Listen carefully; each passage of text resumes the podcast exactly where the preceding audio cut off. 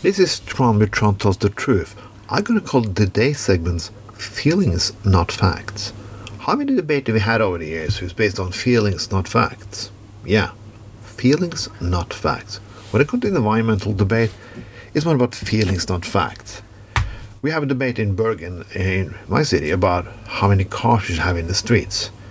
Some people who believe that people who are using cars have been persecuted, they have been followed, and they've been discriminated.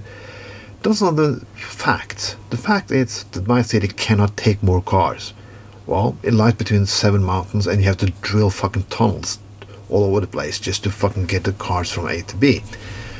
Well, so they mean think like, like they can just keep on going the same way we did for for years. When they put on old pictures of Bergen, they will be like, oh, that's how it used to be when cars could drive everywhere and we could park everywhere and so on. The fact is, there are more people in Bergen now than there did in the 60s. It's the second largest city in Norway.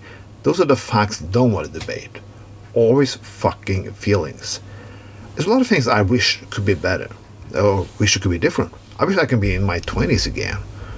Well, when I was not married, just was had a, much money, and had no responsibilities whatsoever.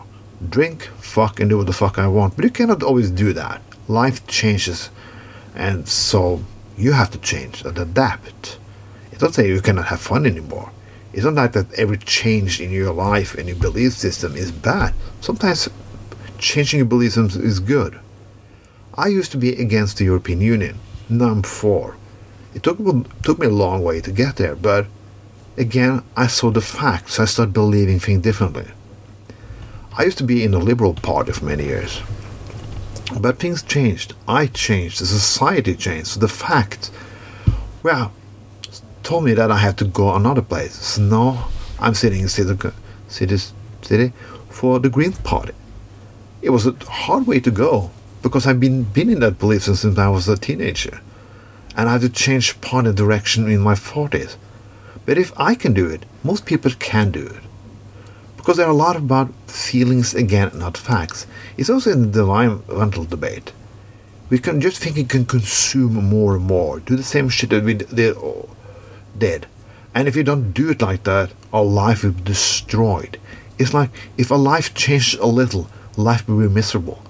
But sometimes change is for the better. Yeah, you don't have you don't have to go regret everything you did. You don't have to feel bad about everything, excuse everything you did in the past. Because things were different. I most of us were different. When we see pictures from the nineties or her music from the nineties, what things you can say and do and joked about we don't do anymore. Because society has changed. We took a new knowledge for a change. I want to say that I was a bad person at the time, but I was part of the circumstance I lived under change is not bad.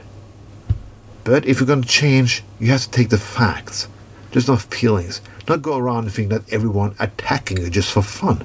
Who fucking psycho do that? Well, Trump does, but that's, that's not quite the issue. I don't work for change because I want to make people's lives miserable, because I'm judging them, or I think that they should be destroyed and I think their lifestyle is horrible. I just see how the planet cannot survive. I see how a lot of things have to be done. And that's also not mean that I'm a perfect person, that I've done everything right in my life, said everything right, treated every people always nice. I, I have not. But you have to acknowledge that sometimes you just have to take part of, do something with the things that's not good and based and change it based on facts don't just continue based on feelings. This was Tron, Tron tells the truth.